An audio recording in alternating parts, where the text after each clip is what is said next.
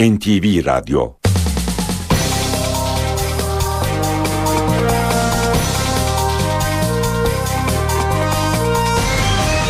İşe giderken Mutlu sabahlar. Ben Aynur Altunkaş.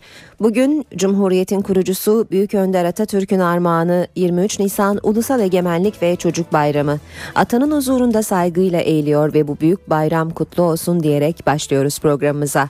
Saat 9'a kadar Türkiye ve dünya gündemindeki gelişmeleri, gazete manşetlerini, yol ve hava durumlarını aktaracağız. Önce gündemin öne çıkan başlıklarına bakalım.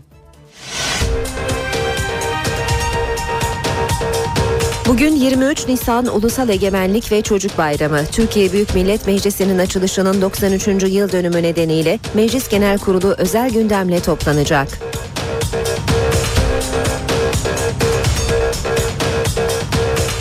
Başbakan Erdoğan'ın Gazze ziyaretiyle ilgili görüş bildiren Amerika Dışişleri Bakanı John Kerry'e hükümetten tepki geldi. Hükümet sözcüsü Bülent Arınç, herhangi bir merciden izin almak durumunda değiliz dedi.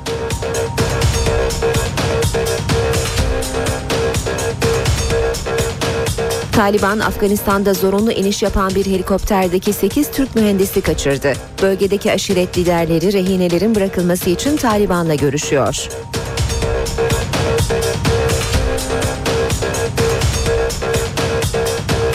İsrail'le Mavi Marmara baskınında hayatını kaybeden 9 kişi için tazminat görüşmeleri Ankara'da başladı. Görüşmelerde tazminat miktarı gündeme gelmedi.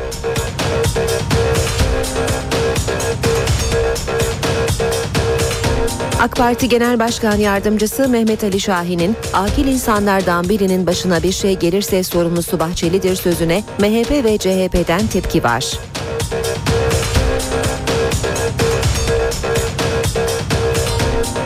Üç kişinin öldüğü Boston Maratonu saldırısının zanlısı Cuhar Çarnayev, kitle imha silahı kullanmak suçundan yargılanacak. Çarnayev için idam cezası gündemde.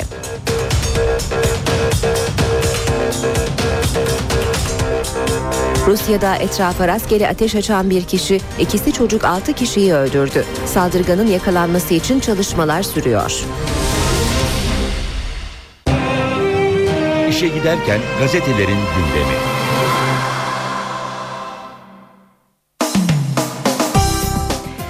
...23 Nisan Ulusal Egemenlik ve Çocuk Bayramı bugün. Hürriyet gazetesi Atatürk'ün e, çocuklara hitaben sözünü birinci e, birinci sayfasında e, aktarıyor. Sayın unut sakın unutma çocuk başlığıyla.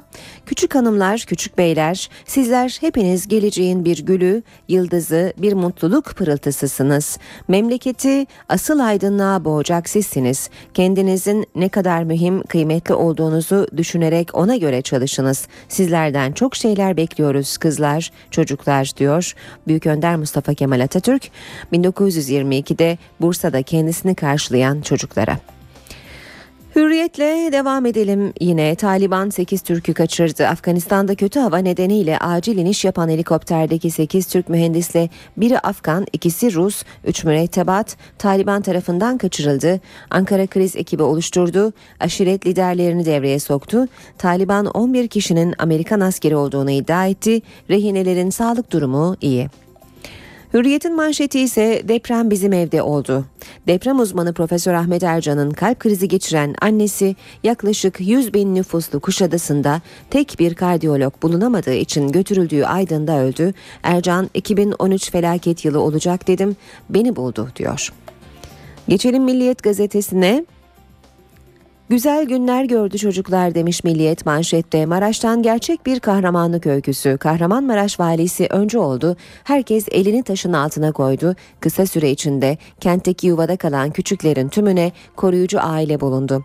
Türkiye'ye örnek olacak çalışma Aralık ayında başladı. Kahramanmaraş valisi Şükrü Kocatepe'nin öncülüğünde kamu kurumu, e, kurumu yöneticileri, sivil toplum kuruluşları ve şehrin ileri gelenleri bir araya toplandı. İlçe ilçe gezen heyetler halka koruyucu aile programını anlattı. Proje kısa sürede meyvesini verdi ve 0-12 yaş arasındaki 62 çocuk için 500 aileden talep geldi.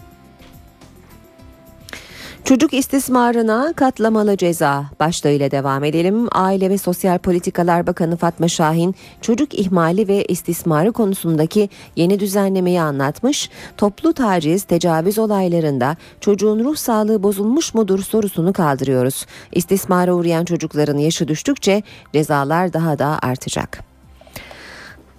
Devam edelim basın özetlerine. Sabah gazetesiyle yüreğimiz ağzımızda diyor sabah manşetinde. Afganistan'da çalışan 8 Türk mühendis helikopterleri zorunlu iniş yapınca Taliban tarafından rehin alındı.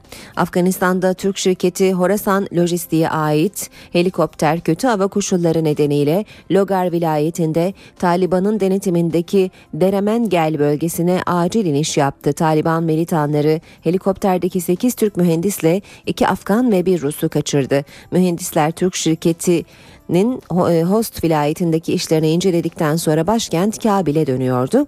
Taliban yaptığı açıklamada üzerlerinde Amerikan üniforması vardığı iddiasında bulundu. Sağlık durumları iyi olan ancak yerleri bilinmeyen mühendislerin kurtarılması için teyakkuza geçen Ankara diplomatik seferberlik başlattı. Helikopterin yeri için NATO'dan hava desteği alındı. Ara buluculuk amacıyla da bölgeye kanaat önderleri gönderildi. Devam edelim basın özetlerine NTV Radyo'da işe giderken de. Vatanda çekiliyoruz manşeti var. PKK'nın Kandil'deki teorisyeni Duran Kalkan, vatan yazarı Ruşen Çakır'a konuşmuş. Bizden yana herhangi bir sorun yok. Sorunlar önemli ölçüde aşıldı. Çekiliyoruz. Duran Kalkan'ın e, açıklamalarına bakalım. Çekilme noktasında bizden yana ciddi sorun olacak bir durum yok fakat tabii ki koşulların oluşması gerekiyor. Çekilme bir saatlik bir günlük iş değil. Yasal güvence gibi talepler önemli ölçüde bitti. Öcalan'ın son mektubunu gördüm beni tatmin etti. Üst yönetimin tereddüdü kalmadı. Orta kademe süreci anlamakta zorlanıyor.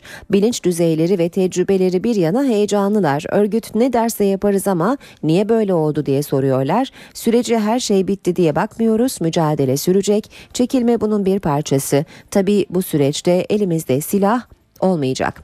Çekilme hemen başlar ama hepsinin çekilmesi zaman alır. Sonbaharı bulur. Belli hazırlıklar lazım. Sonuçta nasıl girdiysek öyle çıkacağız.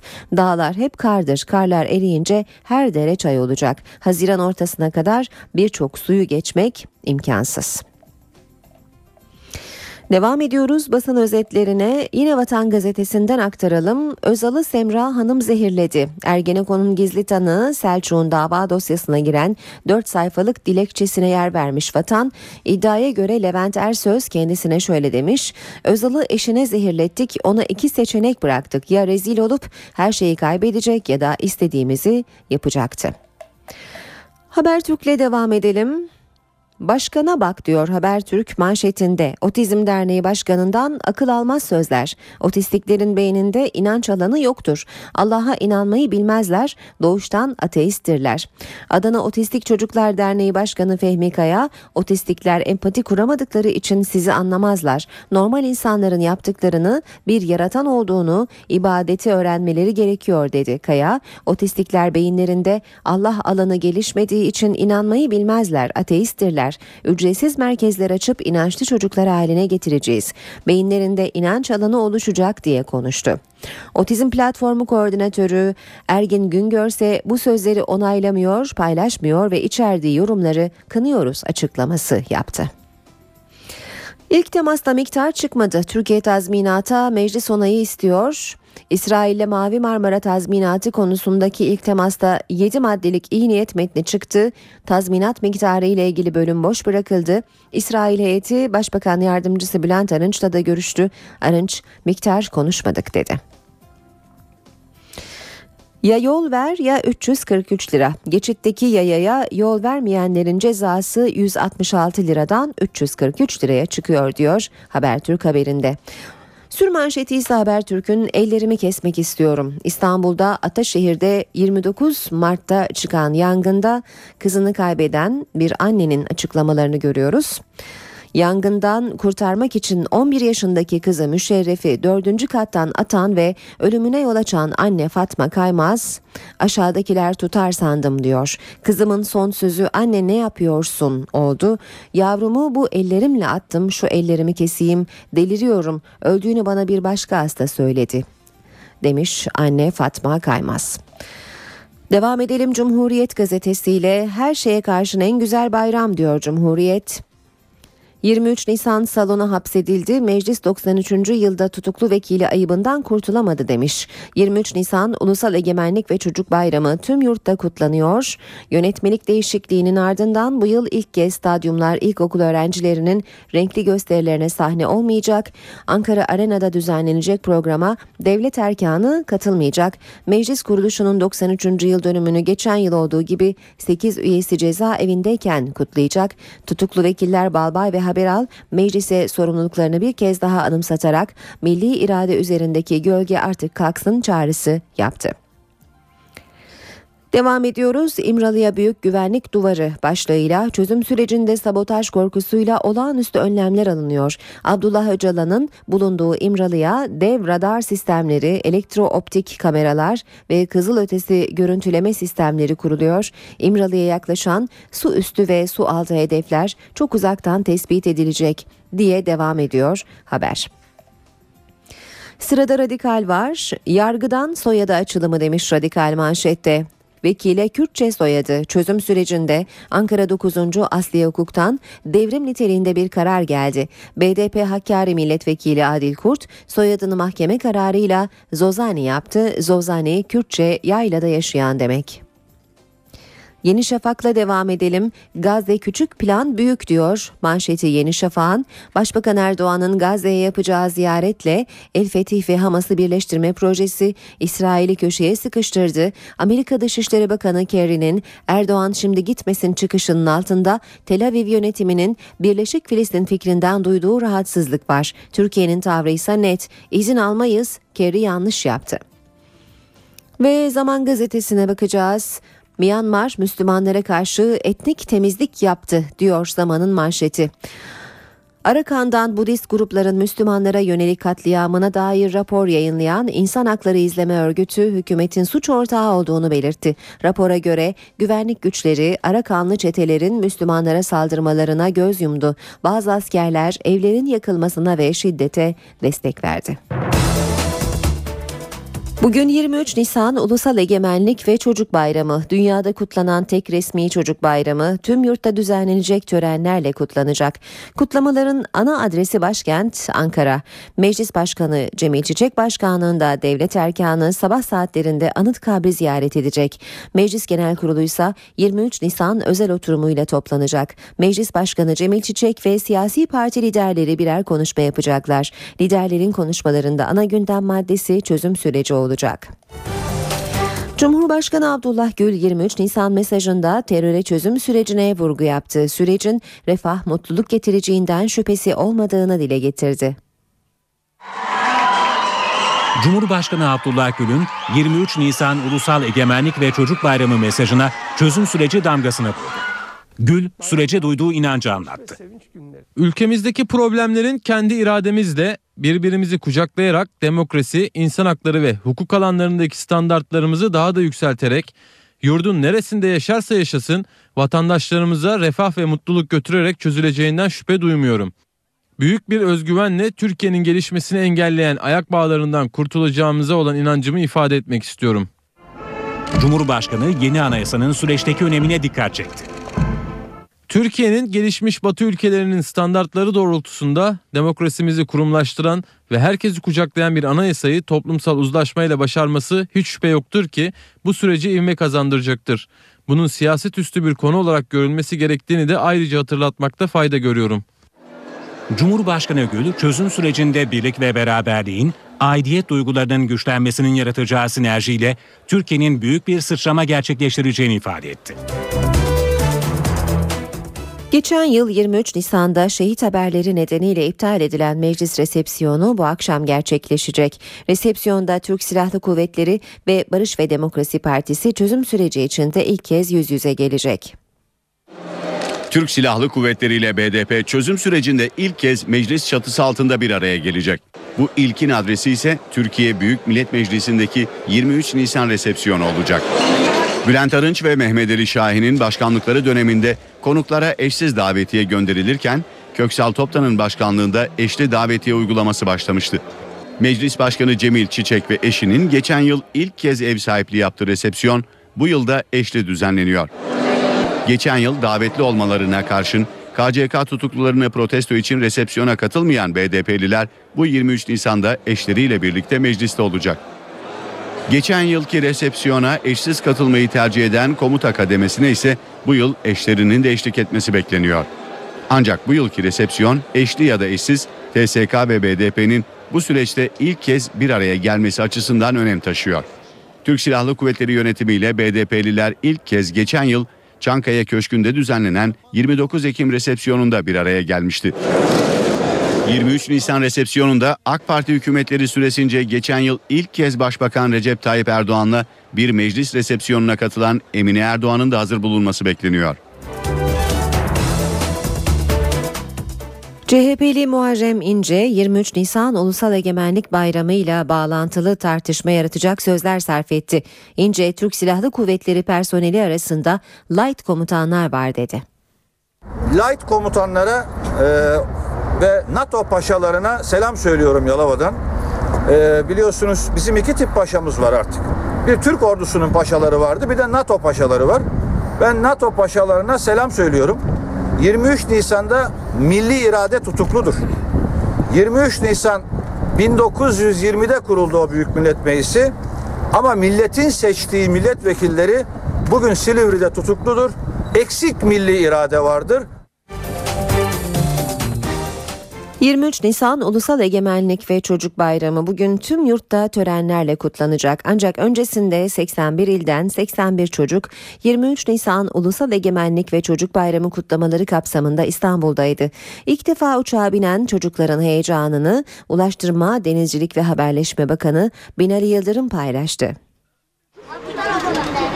İlk kez uçağa bindiler, hayallerindeki İstanbul'a ilk kez geldiler. 81 ilden 81 çocuk 23 Nisan Ulusal Egemenlik ve Çocuk Bayramı öncesi İstanbul'u dolaştı. Türkiye'nin dört bir yanından gelen çocukların ortak özelliği annelerini ya da babalarını kaybetmiş olmaları. Çok mutluyum yani böyle ilk defa o uçağa binme heyecanı falan. Bol bol fotoğraf çekineceğiz. İstanbul'a da ilk kez geldiğim için benim için çok güzel bir değişiklik oldu. Çocuklar İstanbul'a gelmekten memnundu. Hepsinin hayali farklıydı. En çok ben Topkapı Sarayı'nı görmek istiyorum. Çünkü nasıl bir yer olduğunu merak ediyorum. İlk defa uçağa biniyorum. Yolculuk çok güzeldi. Beğendim. İlk defa geliyorum. Çok güzel bir duygu. Çok hoşlandım İstanbul'dan. Ulaştırma, Denizcilik ve Haberleşme Bakanı Binali Yıldırım da çocuklarla kahvaltıda buluştu. İlk defa mı uçağa Evet. Nasıl memnun kaldın? Çok güzeldi. Size çok teşekkür ediyorum bizi böyle buraya topladığınız için. Çocukların İstanbul'daki rotası Topkapı Sarayı, Panorama 1453 Müzesi, Minyatür, İstanbul Akvaryum ve Boğaz Turu oldu. İşe giderken Gündemin önemli başlıklarından biri de Türk Silahlı Kuvvetleri'nden teröristle mücadelenin devam ettiği yönünde gelen açıklama. Genelkurmay Başkanı iki ay içinde bu konuda üçüncü kez bir açıklama yaptı. Açıklamadaki hükümet direktifi vurgusu dikkat çekti. Türk Silahlı Kuvvetleri PKK'nın çekilme sürecinde nasıl bir tutum izleyecek? Bu soruya bir kez daha karargahtan yanıt geldi. Genelkurmay Başkanı'ndan yapılan açıklamada teröristle mücadele devam etmektedir denildi. Ancak bu açıklama süreçteki ilk açıklama değildi. Türk Silahlı Kuvvetleri geçen ayda benzer açıklamalar yaptı. 3 Mart'ta Öcalan'ın mektubunun Kandil'e ulaşabilmesi için bölgedeki operasyonlar durdurulduğu yönündeki iddialar yalanlandı, gerek duyulduğu takdirde operasyonların devam edeceği vurgulandı. 27 Mart'ta da operasyonlar 3 ay önce durduruldu haberi yalanlandı. TSK, hukuki mevzuat gereği kendisine verilen vazifesine devam etmektedir yanıtı verildi. Son açıklamada da Türk Silahlı Kuvvetleri'nin yasalarda ve hükümet direktifinde belirtildiği şekilde teröristle mücadelesi devam etmektedir ifadeleri kullanıldı. Açıklamadaki hükümet direktifi vurgusu dikkat çekti. PKK'lıların çekilme sürecinde güvenlik güçlerinin ne yapacağı siyasilerin gündeminde. Başbakan Yardımcısı Bülent Arınç, hükümetin sorumluluğu güvenlik güçlerine talimat vermekse bunun yerine getirileceğini söyledi. Genelkurmay Başkanlığından yapılan açıklamada da Arınç'ın açıklama da Arınç'ın gündemindeydi. Hükümet direktifi ifadesini değerlendiren Bülent Arınç, bunun yeni bir durum olmadığını söyledi.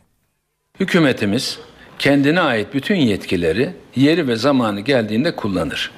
Hükümetin yetki ve sorumluluğu altında olan konular eğer güvenlik güçlerine talimat vermekse bu da yerine getirilir.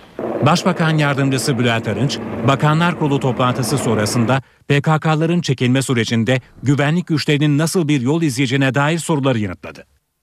Arınç, jandarma ve kara kuvvetleri ne tür bir yetki istiyorsa bunun yapılacağını anlattı. Bir silahlı eylem yapmak isteyene karşı bombalama, mayınlama, hayata kastetme gibi silahlı kuvvetlerimiz veya güvenlik güçlerimiz ellerini kavuşturup bir kenarda oturmuyor. Herkes görevinin başında. Çözüm süreci, çekilme süreci farklı bir şey ama teröristle mücadele aynı zamanda farklı bir şey. Arınç, Genelkurmay Başkanlığından yapılan açıklamada yer alan hükümet direktifi ifadesinde değerlendirdi, bunun yeni bir durum olmadığını söyledi. Malumu da ilam ediyor. Teröristle mücadelede görevimizin başındayız diyor. Başbakan yardımcısı akil insanlara yönelik tepkileri doğru bulmadığını vurguladı. Bu insanları takdir etmek lazım, tebrik etmek lazım. Bu insanlara toplumun teşekkür ettiğini de biliyorum. Bu insanlara ağızlarının ne gelirse hakaret etmek. Yanlış olan bu. Bunun için şüphesiz gereken tedbirler de alınacaktır. AK Parti Genel Başkan Yardımcısı Mehmet Ali Şahin, akil insanlardan birinin başına bir şey gelirse sorumlusu Bahçeli'dir sözüne MHP ve CHP'den tepki geldi. MHP biz de tehdit alıyoruz dedi, CHP ise tehlike varsa güvenliklerini sağlamak devletin işi ifadesini kullandı. Burada ilan ediyorum. Değerli basın siz takip edin. Bu akil insanlardan birinin başına bir hal gelirse sorumlusu Devlet Bahçeli'dir. Aynı zamanda cesur... AK Parti Genel Başkan Yardımcısı Mehmet Ali Şahin'in bu sözleri muhalefetten tepki gördü. MHP Grup Başkan Vekili Oktay Vural, Genel Başkan Devlet Bahçeli'nin sözlerinin vatandaşlara sorulan bir soru olduğunu savundu ve Şahin'e tepki gösterdi. Sayın Genel Başkanım, kimin neden ürkmesi gerektiğini orada vatandaşa sordu. Sen niye ürküyorsun Mehmet Ali Şahin? Neden korkuyorsun? Utanmadan, sıkılmadan araya tampon olarak gazetecileri, sanatçıları koyuyorsun ve onları kalkan yapıyorsun. MHP Ankara Milletvekili Özcan Yeniçeri, Mehmet Ali Şahin'in sözlerine benzer ifadelerle MHP'liler açısından yanıt verdi. Bir ülkücünün burnu kanarsa bunun sorumlusu Recep Tayyip Erdoğan'dır. Vatana ve millete kasteden görüşleri eleştirmeyip de ne yapacağız? Şahin'in sözlerine CHP'de tepkiliydi. Bu açıklamayı şiddetle kınıyorum. Bunun yeni yutulur tarafı yok. Eğer böyle bir tehlike varsa, böyle bir tehlike var ise onların güvenliğini sağlamak e, devletin işidir. Hükümetin MHP'ye yönelik eleştirileri ise sürüyor.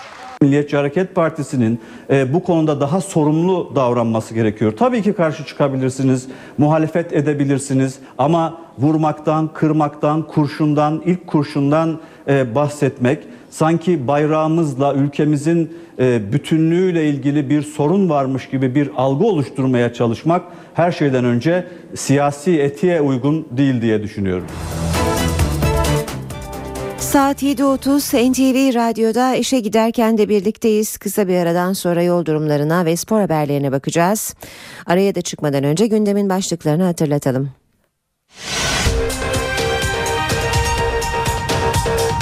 Bugün 23 Nisan Ulusal Egemenlik ve Çocuk Bayramı. Türkiye Büyük Millet Meclisi'nin açılışının 93. yıl dönümü nedeniyle Meclis Genel Kurulu özel gündemle toplanacak.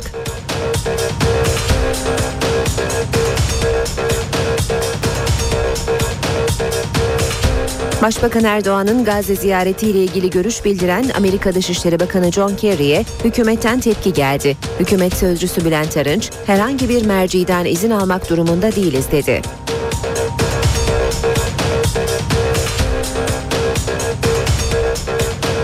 Taliban Afganistan'da zorunlu iniş yapan bir helikopterdeki 8 Türk mühendisi kaçırdı. Bölgedeki aşiret liderleri rehinelerin bırakılması için Taliban'la görüşüyor.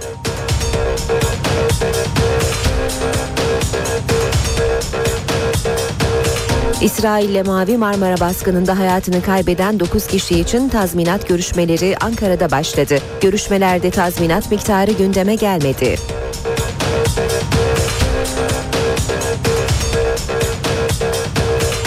AK Parti Genel Başkan Yardımcısı Mehmet Ali Şahin'in akil insanlardan birinin başına bir şey gelirse sorumlusu Bahçeli'dir sözüne MHP ve CHP'den tepki var.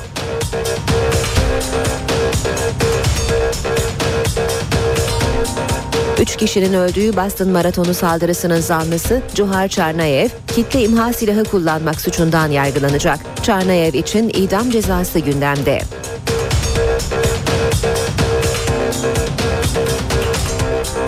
Rusya'da etrafa rastgele ateş açan bir kişi, ikisi çocuk 6 kişiyi öldürdü. Saldırganın yakalanması için çalışmalar sürüyor.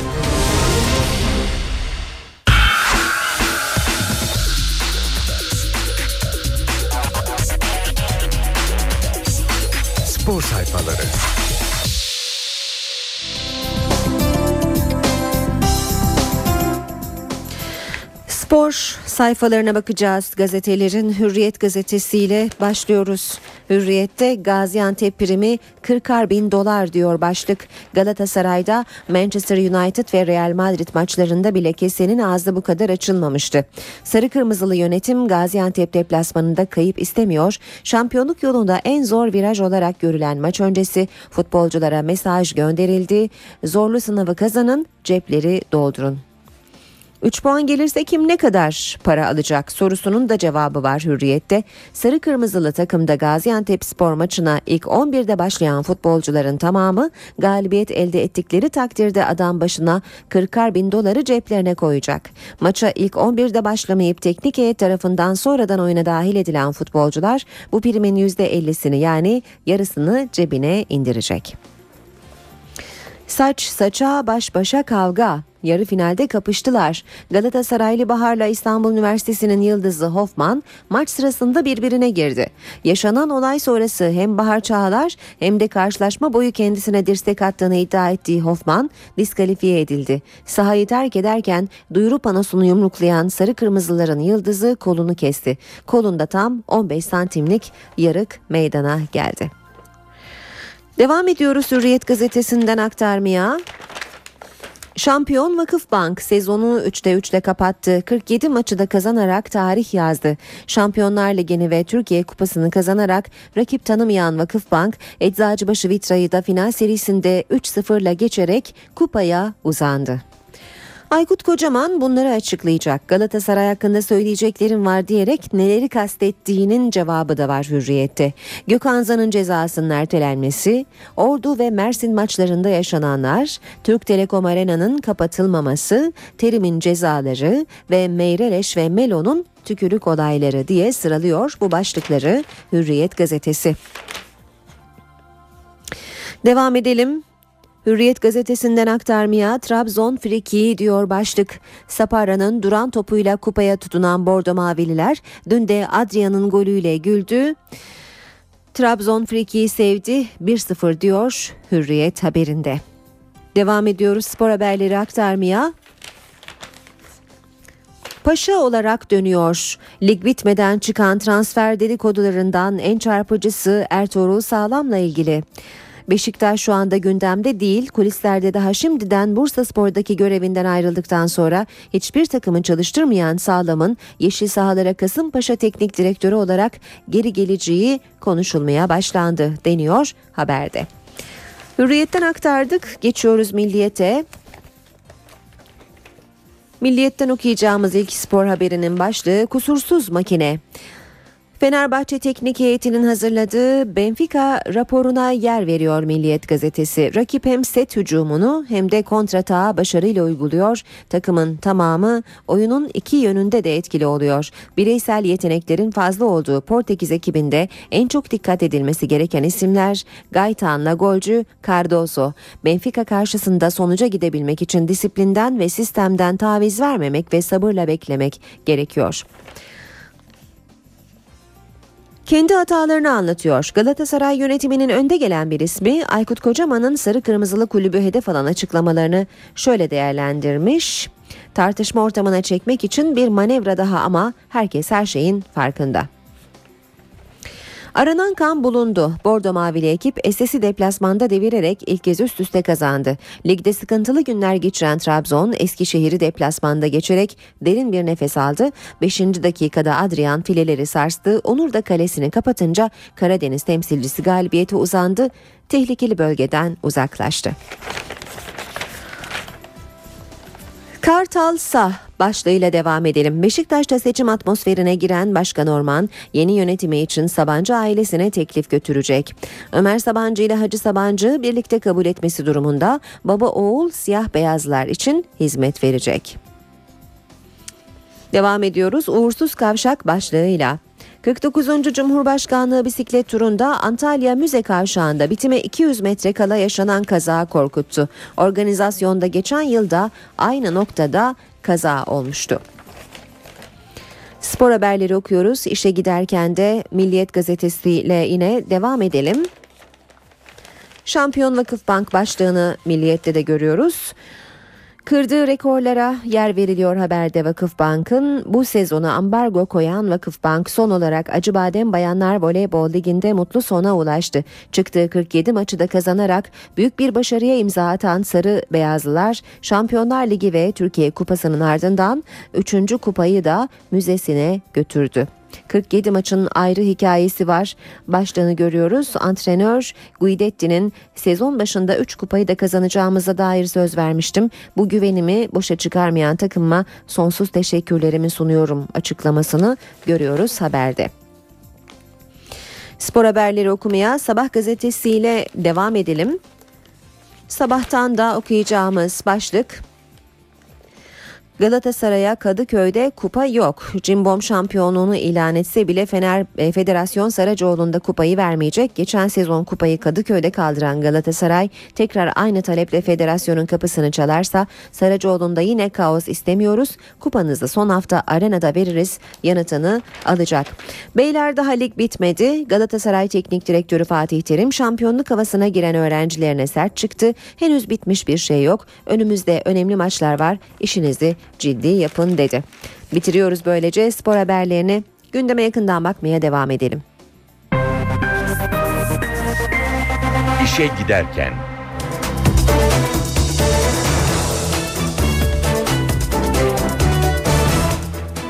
Ergenekon davasının dünkü duruşmasında yine gerginlik vardı. Sanık avukatları savunma süresine sınırlama getirilmesine tepki gösterse de mahkeme sınırlama kararında ısrarlı. 275 sanıklı Ergenekon davasında sanıkların savcılık mütalasına karşı son savunmalar alınıyor. Sanık avukatları mahkemenin savunma sürelerini 2 saatle sınırlaması kararından geri dönmesini istedi. Mahkeme talebi değerlendirmedi.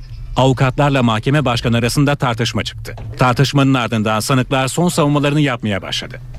Sürenin aşılmaması için kronometre kullanıldı. Sanıklardan 11'i son savunmasını tamamladı. Son savunmasını yapan tutuklu sanıklardan Sedat Peker, şiddet potansiyeli olan biri olduğunu ancak devlete karşı düşmanlığı olmadığını ve örgütlü bir suç işlemediğini söyledi. Davanın tutuklu sanıklarından eski Genelkurmay Başkanı emekli Orgeneral İlker Başbuğ uzun süredir ilk kez duruşmaya katıldı. Mahkeme önceki duruşmada tüm tutuklu sanıkların salonda hazır olması için gereken işlemin yapılmasına karar vermişti. Hızla düşen altın fiyatları sebebiyle özellikle çeyrek altına talep arttı. Darphane yeni altın bastı ama kapalı çarşıya gelir gelmez onlar da tükendi. Çeyrek altın kara borsaya düşünce darphane yeni altın bastı. Kapalı çarşı gün boyunca darphaneden gelecek altınları bekledi. Birisi çeyrek altın almaya geldiği zaman yenisi olsun diyor. Ama şu an eskisi yok. Yani eskisine de razılar ama o da yok şu anda. Yenisi de 157 lira. Şu an benim elimde yok. Vatandaşlar da yine çeyrek altın aradı ama bulamadı. Cumartesi günü paramı bıraktım kuyumcuya. Bugün düşer diye geldim. Düşerse alacağım. Ve beklenen altınlar kapalı çarşıya ulaştı. 610 çeyrek altının yer aldığı paketler kısa sürede tükendi. Geçen hafta bir çeyrek altında 25 TL hatta 30 TL'ye yakın bir işçilik bedeli vardı. Bugün o işçilik bedeli 10 TL'ye kadar düştü. Her şey normal olmuş olsaydı 146 lira civarında satılması lazım. Ama şu anda 150-155 lira civarında. Yeni altınlar çeyrek altını 150 liraya kadar geriledi. Uzmanlar fiyatın hafta içinde daha da düşmesini bekliyor. Son iki haftada yatırım fonları kağıt üstünde 400 tona yakın altın sattı ama düşen fiyatlar altına fiziki talebi de beraberinde getirdi. Dünyanın en önemli altın alıcılarından Hindistanlıları altın almaya itense sadece düşen fiyatlar olmadı. Altın fiyatları 2 haftada %15 değer kaybetti. Fonların yüklü altın satışı karşısında değerli metale olan fiziki talepse patladı. Geçtiğimiz hafta darphane çeyrek altına rekor talep olduğunu açıklamıştı. Fiziki olarak altın talebinde bulunan Hindistanlılar da bu düşüşte altına hücum etti. Hindistan halkı dünyanın bir numaralı altın alıcısı. Küresel talebin beşte biri bu ülkeden gerçekleşiyor. Hindu yetkililer geçen hafta yaşanan talebi eşi görülmemiş olarak nitelendirdi. Bu durumu yaratansa sadece düşük fiyat olmadı. Hinduların inancı da altına olan talebi arttırdı. Hindular yaklaşan kutsal bayramlarında altın hediye etmenin birbirlerine iyi şans getirdiğine inanıyor. Kredi kartları ile ilgili şikayetler üzerine hükümet harekete geçti. Hazırlanan tasarıya göre kredi kartları aidatlı ve aidatsız olarak ikiye ayrılacak. Ancak aidat ödemek istemeyenler bankaların taksit, puan gibi avantajlarından faydalanamayacak. Kredi kartı aidatları ile ilgili yeni düzenleme yolda. Aidatlı ve aidatsız olmak üzere iki tip kredi kartı olacak. Aidatsız kartlar kullanıcıya puan, indirim gibi avantajlar sağlamayacak, taksitli alışverişlerde kullanılamayacak. Bankacılık Düzenleme ve Denetleme Kurumu kredi kartı aidatı için tavan fiyat belirleyecek. Bankalar Arası Kart Merkezi Başkanı Soner Canko, yeni düzenlemenin bankalarla kullanıcılar arasında orta yolu bulacağı görüşünde. Şimdi gelinen noktaya baktığınız zaman aslında kart kullanıcılarının ve bankaların arasını bulan önemli bir e, noktaya geldiğimizi düşünüyoruz. Bence buradaki en önemli kazanım da artık bu konudaki tartışmalara son verecek olması. Kredi kartı kullananların tercihleri farklı farklı. Kesinlikle aidatsız olmasını tercih ederim. Yani o bahsettiğiniz e, promosyonların olmaması, a- bunun yerine aidatsız olması benim tercihim olur. O kartı veriyor. O karttan gidiyorsun, yiyorsun, içiyorsun, alıyorsun, veriyorsun. Eve de geliyorsun rahat. E ben karta para vermem. Kartın bedelli alıyorsan aldığımın hizmet bedeli olacak. Yani bedelsiz bir şey vermezler. Aidatlarla ilgili tasarının Mayıs ayında meclise gönderilmesi bekleniyor. Adana Otistik Çocuklar Sağlık ve Eğitim Derneği Başkanı Fehmi Kaya tartışma yaratan bir açıklama yaptı. Kaya otistik çocukların beyinlerinde inanç alanı yok, Allah'a inanmayı bilmiyorlar dedi. Açıklamaya tepkiler de gecikmedi. Aferin Barış. Diğerine geç, bunu boya. beyinlerinde inanç alanı, e, Allah alanı gelişmemiş, oturmamış oluyor. Sosyolog Fehmi Kaya'nın iddiası tartışma yaratacak nitelikte. Fehmi Kaya'ya göre otistik çocuklarda inanç alanı gelişmediği için Allah inancı yok. Hatta Kaya ateizmle otizm arasında bağlantı bulunduğunu gösteren araştırmalar olduğunu söylüyor. Aferin Barış. Yapılan araştırmalar e, otistiklerle ateistler arasında bir paralelliğin olduğu, e, ateizmin otizmin bir farklı kültürel versiyonu olduğunu iddia ediyorlar. Kartlara bak, buna bak. Adana Otistik Çocuklar Sağlık ve Eğitim Derneği Başkanı Fehmi Kaya, otistik çocuklara eğitim yoluyla inanç kazandırılabileceğini söylüyor. Şimdi otistik çocuklara uygulanacak farklı terapi yollarıyla, yöntemleriyle çocuğun farkındalık yaratacağız. Yaratılması gerekiyor ve bu anlamda da çocuğun bir yaratan olduğunu, bir insanların bir şeye inandığını, onun için ibadet ettiğini de anlaması, kavraması, içselleştirmesi gerekiyor. NTV Radyo Herkese yeniden günaydın. Ben Aynur Altunkaş. İşe giderken de birazdan hava durumunu Gökhan Abur'la konuşacağız. Önce gündemin başlıklarını hatırlatalım. Bugün 23 Nisan Ulusal Egemenlik ve Çocuk Bayramı. Türkiye Büyük Millet Meclisi'nin açılışının 93. yıl dönümü nedeniyle Meclis Genel Kurulu özel gündemle toplanacak.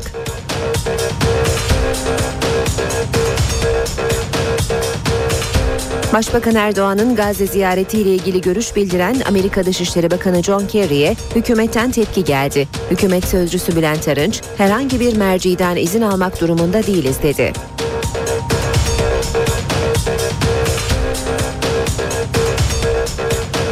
Taliban Afganistan'da zorunlu iniş yapan bir helikopterdeki 8 Türk mühendisi kaçırdı. Bölgedeki aşiret liderleri rehinelerin bırakılması için Taliban'la görüşüyor.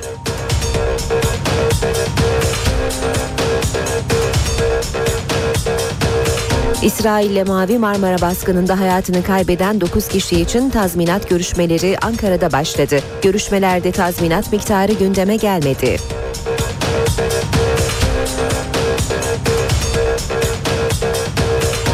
AK Parti Genel Başkan Yardımcısı Mehmet Ali Şahin'in akil insanlardan birinin başına bir şey gelirse sorumlusu Bahçeli'dir sözüne MHP ve CHP'den tepki var.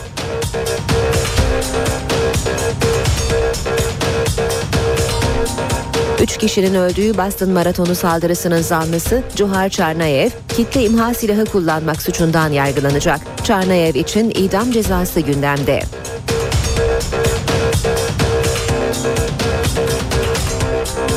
Rusya'da etrafa rastgele ateş açan bir kişi, ikisi çocuk 6 kişiyi öldürdü. Saldırganın yakalanması için çalışmalar sürüyor. Çocuklar bayramında 23 Nisan'da genelde yağmur sürpriziyle karşılaşırlar. Bakalım bu yılda böyle olacak mı? Gökhan Abur günaydın. Günaydın. Neler var bugün yurdumuzda? Bugün e, batı ve iç kesimlerde yağış yok. E, İç Anadolu'nun doğusunda, Doğu Karadeniz'de ve doğuda aralıklarla yağış devam ediyor. Batıda sıcaklıklar yükselmeye başladı. Bunun en güzel işareti de Marmara bölgesinde, iç kesimlerde ve güneyde gördüğümüz sis ve pus.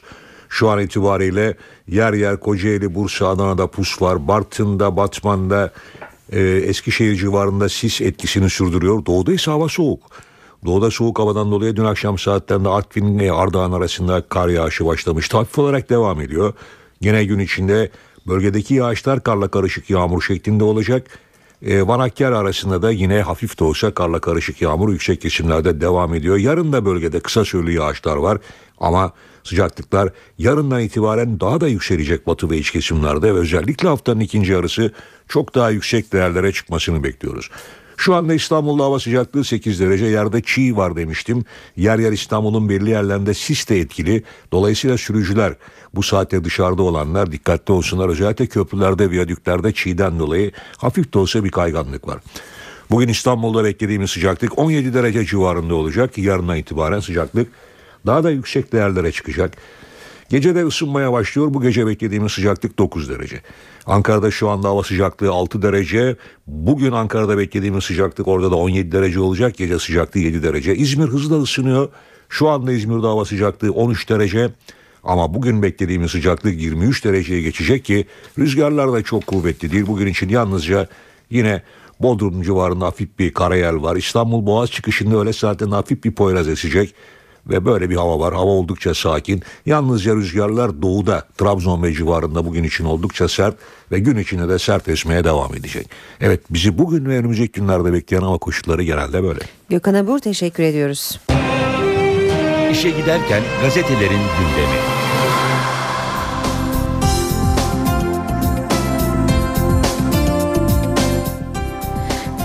Bugün 23 Nisan Ulusal Egemenlik ve Çocuk Bayramı. Bu büyük bayram e, bir kez daha kutlu olsun diyerek gazetelere bakalım. Gazetelerde de yine bayram kutlamalarını ve Mustafa Kemal Atatürk'ün sözlerini görüyoruz.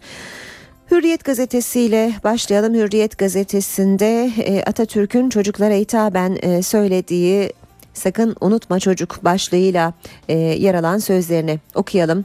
Küçük hanımlar, küçük beyler, sizler hepiniz geleceğin bir gülü, yıldızı, bir mutluluk parıltısısınız. Memleketi asıl aydınlığa boğacak sizsiniz. Kendinizin ne kadar mühim, kıymetli olduğunuzu düşünerek ona göre çalışınız. Sizlerden çok şey bekliyoruz. Kızlar, çocuklar. Atatürk bu sözleri 1922'de Bursa'da kendisini karşılayan çocuklara söylemişti. Hürriyet'in manşeti ise deprem bizim evde oldu. Deprem uzmanı Profesör Ahmet Ercan'ın kalp krizi geçiren annesi yaklaşık 100 bin nüfuslu Kuşadası'nda tek bir kardiyolog bulunamadığı için götürüldüğü Aydın'da öldü. Ercan 2013 felaket yılı olacak dedim beni buldu diyor. Milliyet gazetesine bakalım. Güzel günler gördü çocuklar diyor Milliyet manşette. Maraş'tan gerçek bir kahramanlık öyküsü. Kahramanmaraş valisi önce oldu. Herkes elini taşın altına koydu. Kısa süre içinde kentteki yuvada kalan küçüklerin tümüne koruyucu aile bulundu. Türkiye'ye örnek olacak çalışma Aralık ayında başladı. Kahramanmaraş Valisi Şükrü Kocatepe'nin öncülüğünde kamu kurumu yöneticileri, sivil toplum kuruluşları ve şehrin ileri gelenleri bir araya toplandı. İlçe ilçe gezen heyetler halka koruyucu aile programını anlattı. Proje kısa sürede meyvesini verdi ve 0-12 yaş arasındaki 62 çocuk için 500 aileden talep geldi. Yine milliyetten okuyalım çocuk istismarına katlamalı ceza. Aile ve Sosyal Politikalar Bakanı Fatma Şahin çocuk ihmali ve istismarı konusundaki yeni düzenlemeyi anlattı. Toplu taciz, tecavüz olaylarında çocuğun ruh sağlığı bozulmuş mudur sorusunu kaldırıyoruz. İstismara uğrayan çocukların yaşı düştükçe cezalar daha da artacak. Devam edelim basın özetleriyle Sabah gazetesine bakalım. Sabahta manşet yüreğimiz ağzımızda. Afganistan'da çalışan 8 Türk mühendis helikopterleri zorunlu iniş yapınca Taliban tarafından rehin alındı. Afganistan'da Türk şirketi Horasan Lojistik'e ait helikopter kötü hava koşulları nedeniyle Logar vilayetinde Taliban'ın denetimindeki Deremengel bölgesine acil iniş yaptı. Taliban militanları helikopterdeki 8 Türk mühendisle 2 Afgan ve 1 Ruslu kaçırdı. Mühendisler Türk şirketinin Host vilayetindeki işlerini inceledikten sonra başkent Kabil'e dönüyordu. Taliban yaptığı açıklamada üzerlerinde Amerikan üniforması vardı iddiasında bulundu. Sağlık durumları iyi olan ancak yerleri bilinmeyen mühendislerin kurtarılması için teyakkuza geçen Ankara diplomatik seferberlik başlattı. Helikopterin yeri için NATO'dan hava desteği alındı. Ara buluculuk amacıyla da bölgeye kanaat önderleri gönderildi. Geçiyoruz vatana. Çekiliyoruz başlığı manşette. PKK'nın Kandil'deki teorisyeni Duran Kalkan vatan yazarı Ruşen Çakır'a konuşmuş. Bizden yana herhangi bir sorun yok. Sorunlar önemli ölçüde aşıldı. Çekiliyoruz. Duran Kalkan'ın açıklamaları şöyle devam ediyor. Fakat tabii ki koşulların oluşması gerekiyor. Çekilme bir saatlik bir günlük iş değil. Yasal güvence gibi talepler önemli ölçüde bitti. Öcalan'ın son mektubunu gördüm beni tatmin etti. Üst yönetimin tereddüdü kalmadı. Orta kademe süreci anlamakta zorlanıyor. Bilinç düzeyleri ve tecrübeleri bir yana heyecanlılar. Örgüt ne derse yaparız ama niye böyle oldu diye soruyorlar. Sürece her şey bitti diye bakmıyoruz. Mücadele sürecek. Çekilme bunun bir parçası. Tabii bu süreçte elimizde silah olmayacak. Devam edelim. Vatan Gazetesi'nden yine aktarmaya. Erdoğan'a jest diyor başlık. Başbakan Amerika ziyaretinde Obama tarafından Blair House'da ağırlanacak. Amerika'nın resmi konuk evi Blair House Beyaz Saray'a tam Beyaz Saray'ın tam karşısında. Erdoğan'ın 16 Mayıs'ta başlayacak Washington ziyareti boyunca 14 odalı misafirhaneye Türk bayrağı çekilecek. Radikalle devam ediyoruz. Radikal'in manşeti yargıdan soyadı açılımı. Çözüm sürecinde Ankara 9. Asli Hukuk'tan devrim niteliğinde bir karar geldi. BDP, Hakkari Milletvekili Adil Kurt soyadını mahkeme kararıyla Zozani yaptı. Zozani Kürtçe yaylada yaşayan demek. Habertürk var sırada. Başkana bak diyor Habertürk'ün manşeti. Otizm Derneği Başkanı'ndan akıl almaz sözler. Otistiklerin beyninde inanç alanı yoktur. Allah'a inanmayı bilmezler. Doğuştan ateisttirler.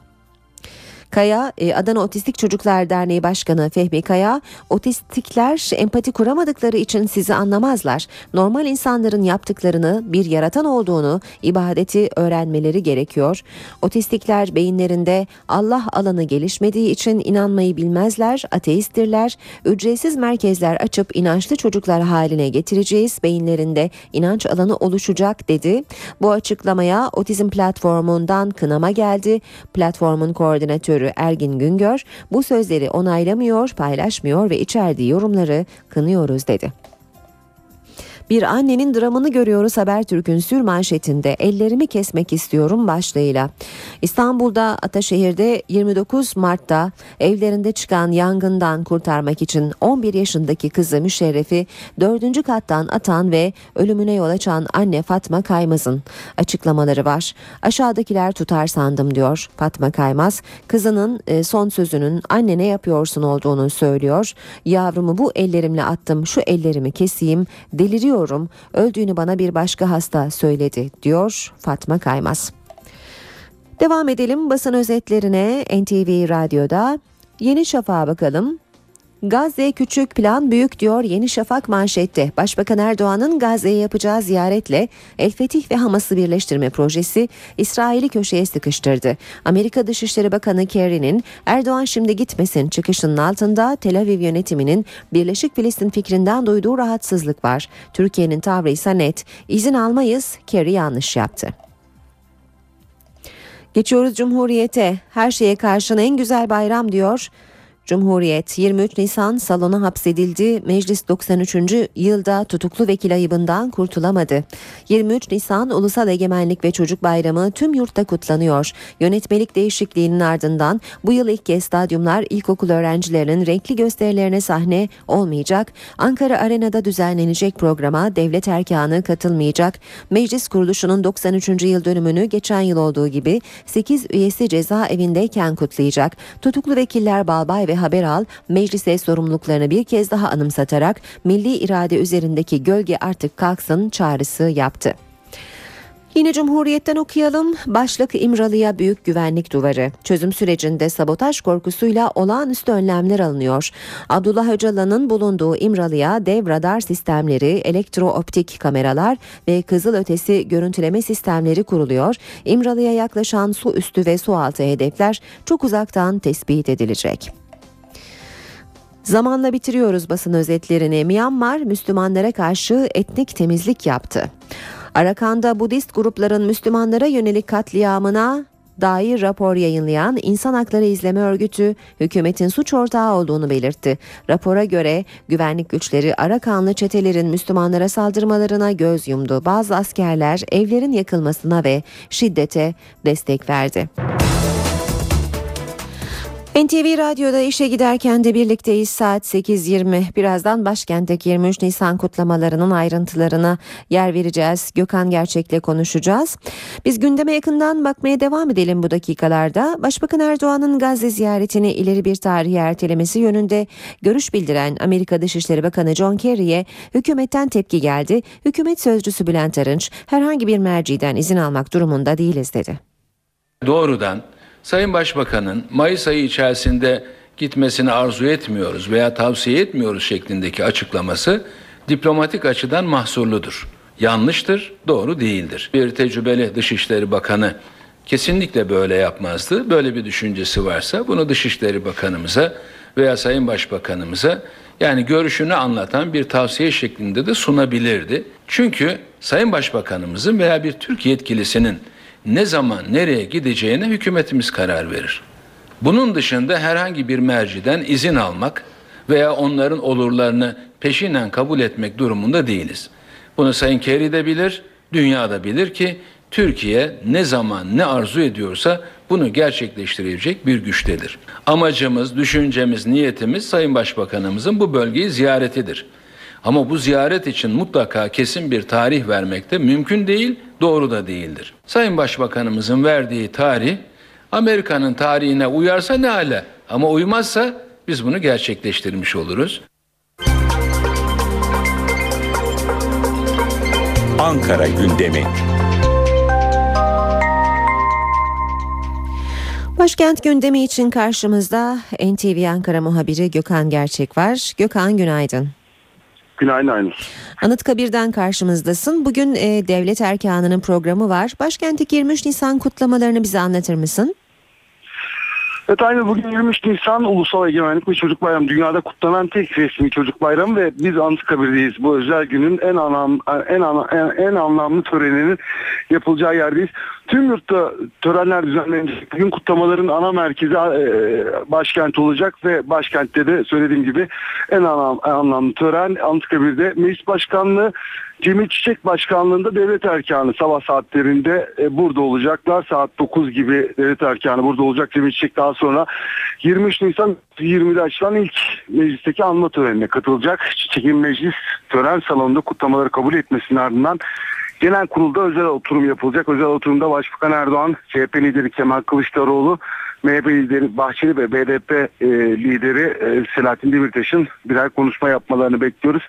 Buradaki konuşmalardaki ana gündem maddesi çözüm süre, süreci olacak.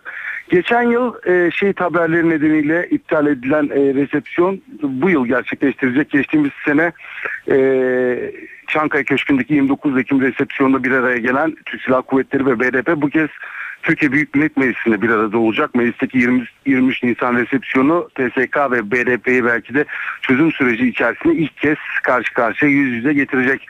Başbakan Erdoğan e, TİKA ve Esenler Belediyesi tarafından düzenlenen Arap Baharı'nın çocukları festivaline katılan çocukları başbakanlık yeni binada kabul edecek. CHP lideri Kemal Kılıçdaroğlu'nun da bugün bir program var bu çerçevede. Çankaya Belediyesi'nin bin çocuk korosu konserine katılacak Kılıçdaroğlu. Ee, son gündem maddesi Çalışma Bakanlığı'ndan Faruk Çelik dizi ve filmlerde oynayan çocuklarla ilgili yasal değişiklikler için Oyuncular Sendikası Başkanı Mehmet Ali Alabora'yı ile bir görüşme gerçekleştirecek. Evet bugün 23 Nisan konuşacağız. Sabah saatlerinde başlayacak törenler akşam resepsiyonla saat 19.30'daki resepsiyonla sona erecek. E, saat 9 itibariyle tören alanında olacağız biz de. Atatürk'ün ebedi istirahatgahında olacak töreni izleyip detaylarını sizlerle paylaşacağız Aynur. Gökhan Gerçek teşekkür ediyoruz. Kolay gelsin. Bugün 23 Nisan Ulusal Egemenlik ve Çocuk Bayramı. Türkiye Büyük Millet Meclisi'nin açılışının 93. yıl dönümü nedeniyle Meclis Genel Kurulu özel gündemle toplanacak.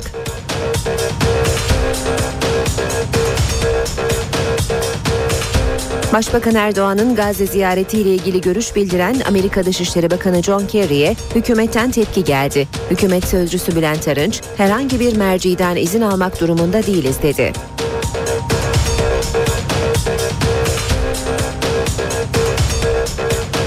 Taliban Afganistan'da zorunlu iniş yapan bir helikopterdeki 8 Türk mühendisi kaçırdı. Bölgedeki aşiret liderleri rehinelerin bırakılması için Taliban'la görüşüyor.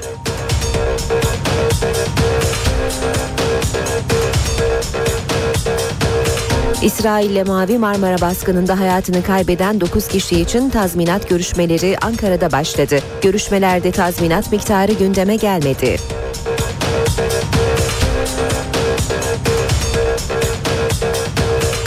AK Parti Genel Başkan Yardımcısı Mehmet Ali Şahin'in akil insanlardan birinin başına bir şey gelirse sorumlusu Bahçeli'dir sözüne MHP ve CHP'den tepki var.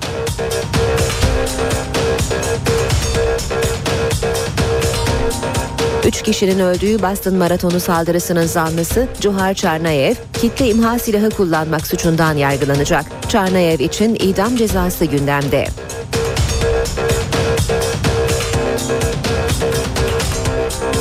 Rusya'da etrafa rastgele ateş açan bir kişi, ikisi çocuk 6 kişiyi öldürdü. Saldırganın yakalanması için çalışmalar sürüyor.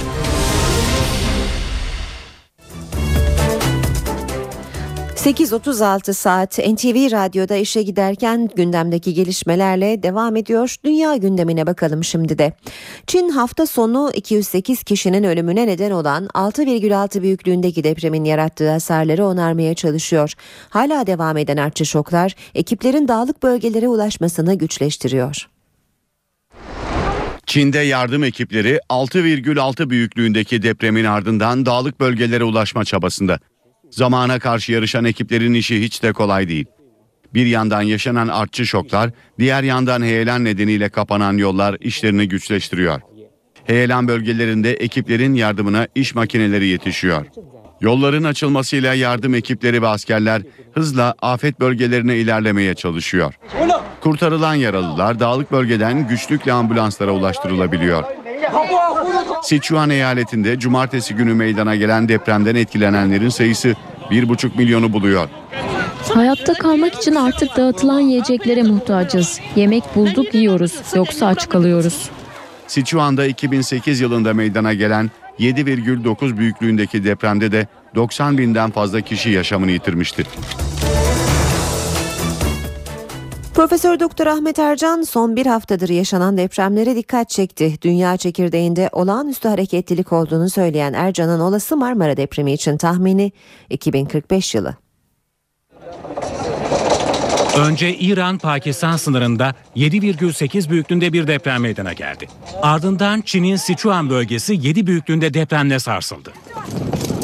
Son olaraksa Japonya açıklarında 6,1, Meksika açıklarında 5,9 ve Rusya'nın doğusunda 5,2 büyüklüğünde depremler oldu. Profesör Ahmet Ercan, ard arda yaşanan şiddetli depremleri dünya çekirdeğindeki olağanüstü hareketliliğe bağladı. Manyetik alandaki kayma, yeryüzünde olağanüstü değişimlere sebep olacak diyen Ercan, önümüzdeki 15 güne de dikkat çekti, yeni depremler beklediğini söyledi. Dünya üzerinde e, tetiklenmiş büyük depremleri göreceğiz diye söylemiştim. Ne yazık ki söylediğimde haklılık payı çıkıyor.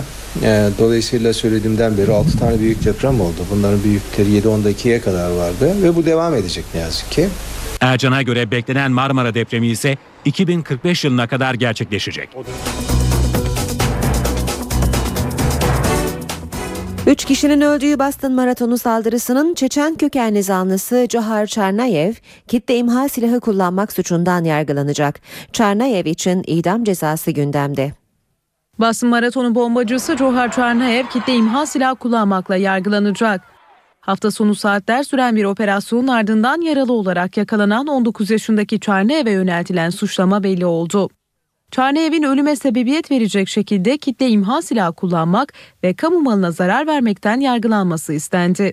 Çarnayev hakkındaki suçlamaları tedavi gördüğü hastanede öğrendi. Suçlu bulunursa 19 yaşındaki zanlının idam cezasına çarptırılması gündemde. Ancak zanlının yakalandığı Massachusetts eyaletinde idam cezasına izin verilmiyor. Zanlının hangi statüyle hakim karşısına çıkacağı da netlik kazandı. Çarnaev, Guantanamo askeri hapishanesinde terör şüphelileri için kullanılan düşman savaşçı statüsüyle yargılanmayacak.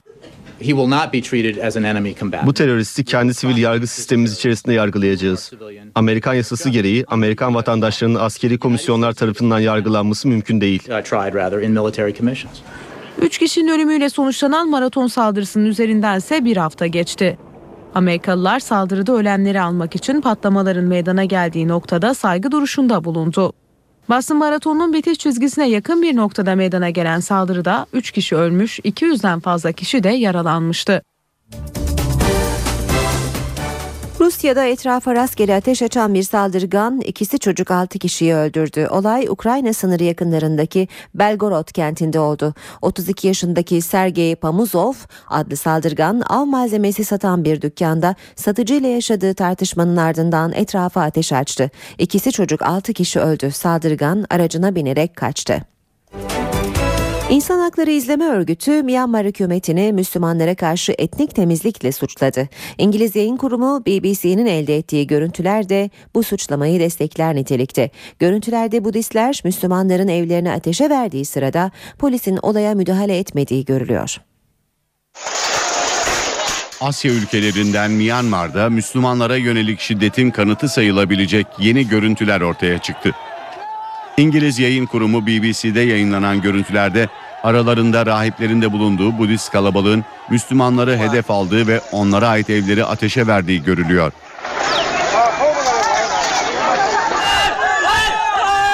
Olay yerinde bulunan polislerin olaylara müdahale etmediği de dikkat çekiyor. Bir diğer görüntüde bir Müslümanın öldüresiye dövüldüğü görülüyor. Geçen ay kaydedilen bu görüntüler Myanmar yönetiminin Müslümanlara yönelik şiddete seyirci kaldığının en açık göstergesi olarak yorumlanıyor. İnsan Hakları İzleme Örgütü de bu görüşte. Örgütten yapılan son açıklamada Myanmarlı yetkililer Budist rahiplerle birlikte Rohingya Müslümanlarına karşı etnik temizlik kampanyası yürütmekle suçlanıyor. The government authorities did nothing to intervene. Myanmarlı yetkililer şiddeti durdurmak için hiçbir şey yapmadı. Hatta güvenlik güçleri ve yetkililer camileri yıktı. Rohingya insanlarına yardımı engelledi. Arakanlılarla birlikte Müslümanları yerlerinden etti. İnsani felaket yaşanıyor. Geçen yıldan bu yana Müslümanlara yönelik süren şiddet olaylarında yüzlerce kişi yaşamını yitirdi. 125 bin Müslüman da evlerini terk etmek zorunda kaldı. Birleşmiş Milletler verilerine göre Myanmar'da 800 bin Rohingya Müslümanı yaşıyor. Myanmar, Rohingya Müslümanlarını vatandaş olarak kabul etmiyor.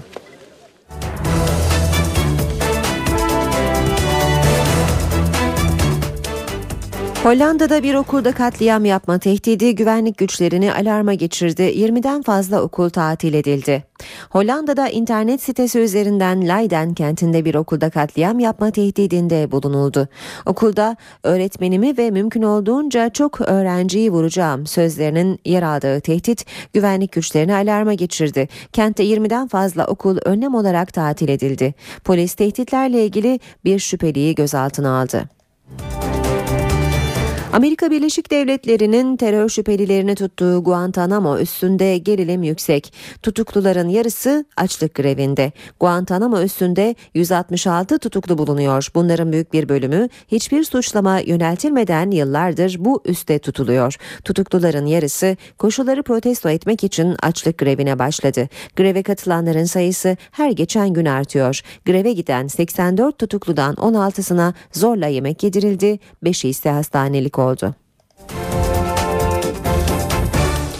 Yunan futbolunun köklü kulüplerinden AEK takımı 2. lige düşünce futbolcular gözyaşlarını tutamadı. Taraftarsa öfkeliydi.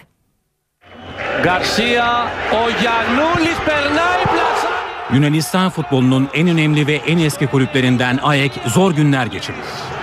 Kurtuluş Savaşı sonrası İstanbul'dan Yunanistan'a göç eden Rumların kurduğu 89 yıllık kulüp 2. lige düşüyor. AEK pazar günü oynanan Atromitos maçında rakibine 92. dakikada yediği golle yenilince bütün umutlarını yitirdi. Garcia, Oyanulis, Bernal, Blas Maçın bitiş düdüğüyle Ayekli futbolcular gözyaşlarını boğdu. Ayek'in ikinci lige düşmesinin sorumlusu olarak takımı büyük miktarda borca sürükleyen yöneticiler gösteriliyor.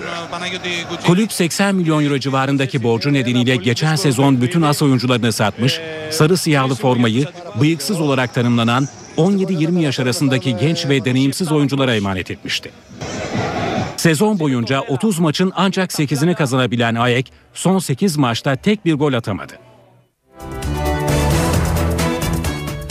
Bu haberle işe giderken sona eriyor. Ben Aynur Altunkaş. Gelişmelerle yeniden buluşmak üzere. Hoşçakalın. NTV Radyo